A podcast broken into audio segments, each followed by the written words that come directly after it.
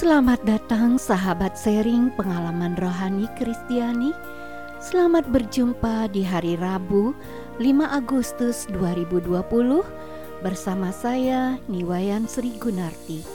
Semoga berkat Tuhan selalu menyertai kalian di mana pun kalian berada. Bagaimana keadaan sahabat sharing pengalaman rohani Kristiani hari ini? Baik, bukan? Pastinya sangat luar biasa karena Yesus ada bersama kita. Bagi Anda yang memiliki pengalaman rohani yang berkesan, di mana Tuhan jamah, selamatkan ataupun beri pertolongan, silahkan kirim di email saya srigunartiniwayan@gmail.com dan jangan lupa follow Instagram saya @niwayan underscore seri 70. Bila teman-teman sudah mengirimkan pengalaman cerita kalian, saya akan membacakannya dalam podcast ini. Mari kita mulai podcast kita dengan berdoa agar kita bisa diberi rahmat oleh Tuhan. Mari kita hening untuk berdoa.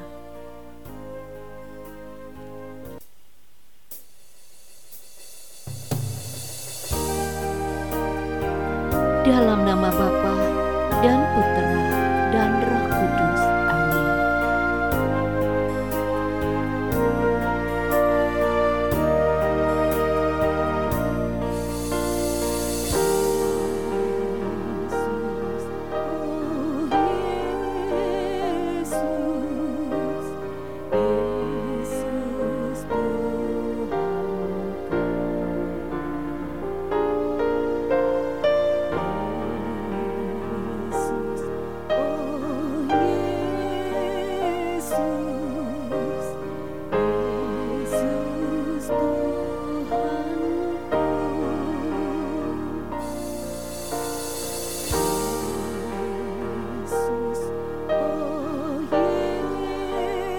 soon.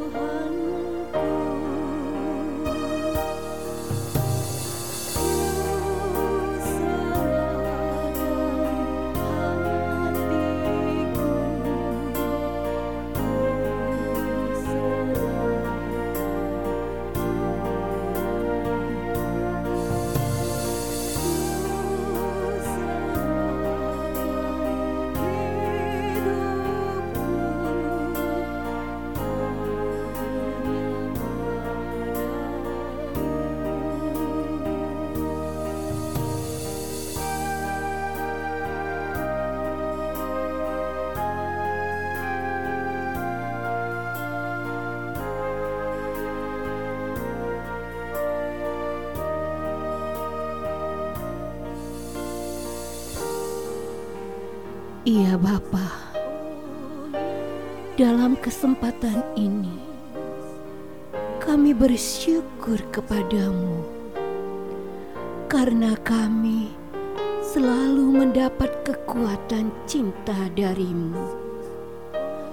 Hari-hari yang kami lalui adalah hadiah terindah yang Engkau berikan kepada kami. Ampuni kami ya Tuhan, bila kami sering mengeluh, kami sering putus asa, kami sering khawatir tentang kehidupan kami. Tuhan, pada saat ini kami akan mendengar kesaksian dari saudari Akade Semoga Engkau berkenan hadir di sini dan mengetuk hati kami agar semakin mencintai Engkau. Tuhan, tuntun kami agar perjalanan hidup kami benar-benar kami persembahkan demi kemuliaan namamu.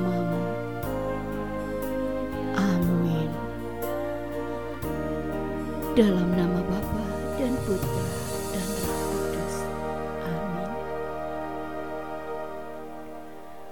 Pendengar podcast yang dikasihi Tuhan, pada kali ini saya akan membacakan sebuah cerita pengalaman rohani Kristiani yang dikirim oleh seorang ibu yang berinisial AKD. Ini dia kisahnya. Keajaiban doa Rosario bagian pertama.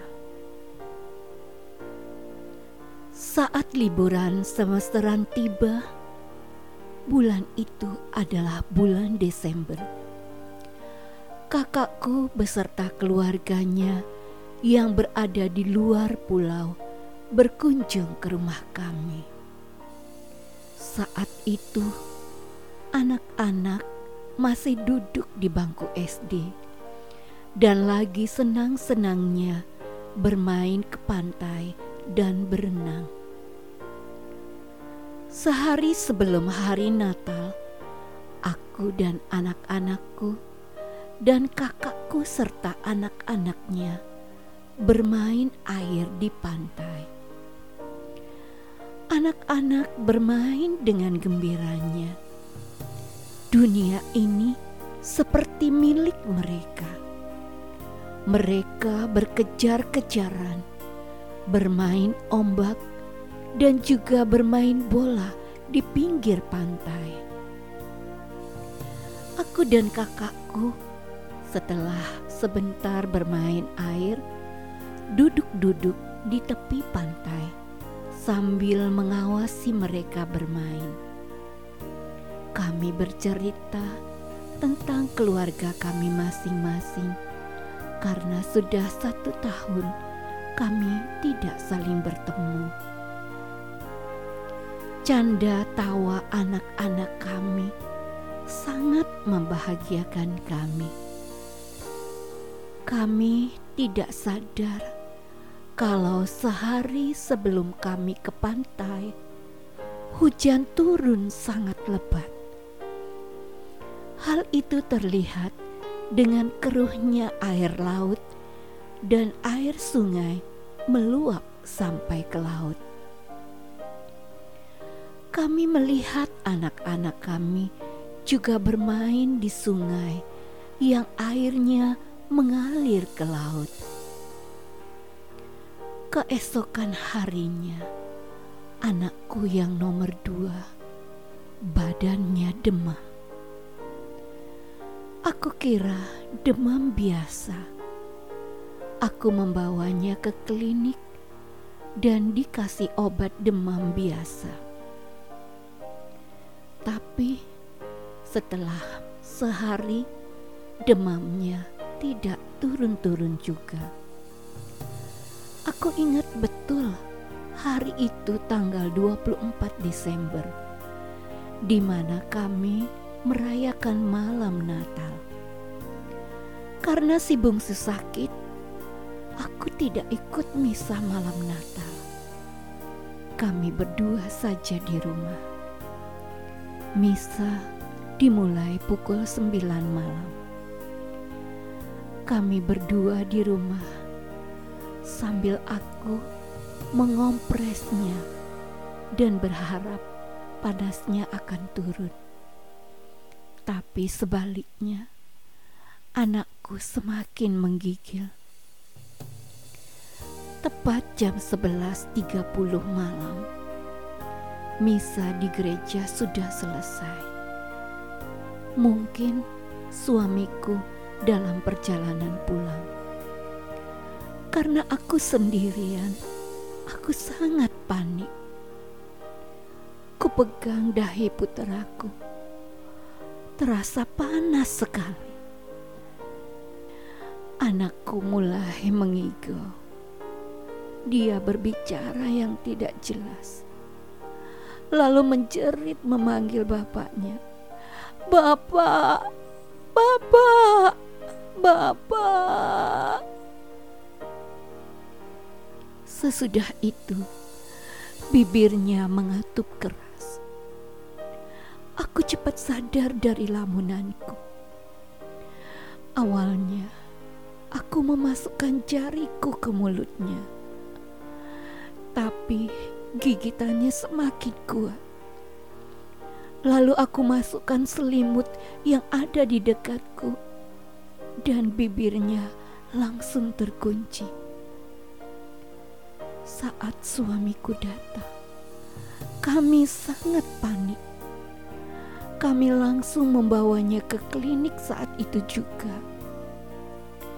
Kami berangkat dengan keadaan mulut anak kami menggigit selimut dan aku dalam keadaan memakai baju tidur langsung naik ke atas motor. Dalam perjalanan ke klinik, aku berdoa dan menyebut nama Yesus dan Bunda Maria. Oh Yesus, tolong selamatkan anak kami. Oh Bunda Maria, tolong doakan anak kami kepada Yesus yang tak pernah menolak setiap doamu. Doa itu terus kuucapkan dalam perjalanan kami malam itu. Sampai di klinik, anak kami langsung disuntik untuk melemaskan badannya yang kaku karena step atau panas tinggi. Malam itu juga kami dirujuk ke rumah sakit besar karena klinik tidak sanggup mengobatinya. Bagaimanakah kelanjutan cerita tersebut? Apakah anak itu bisa disembuhkan? Dengarkan kelanjutannya di sharing pengalaman rohani Kristiani dalam keajaiban doa Rosario bagian kedua. Sahabat sharing pengalaman rohani Kristiani yang dikasihi Tuhan, setelah membagikan pengalaman tersebut, saya akan bacakan Injil hari ini yang saya ambil dari Matius bab 15 ayat 21 sampai 28.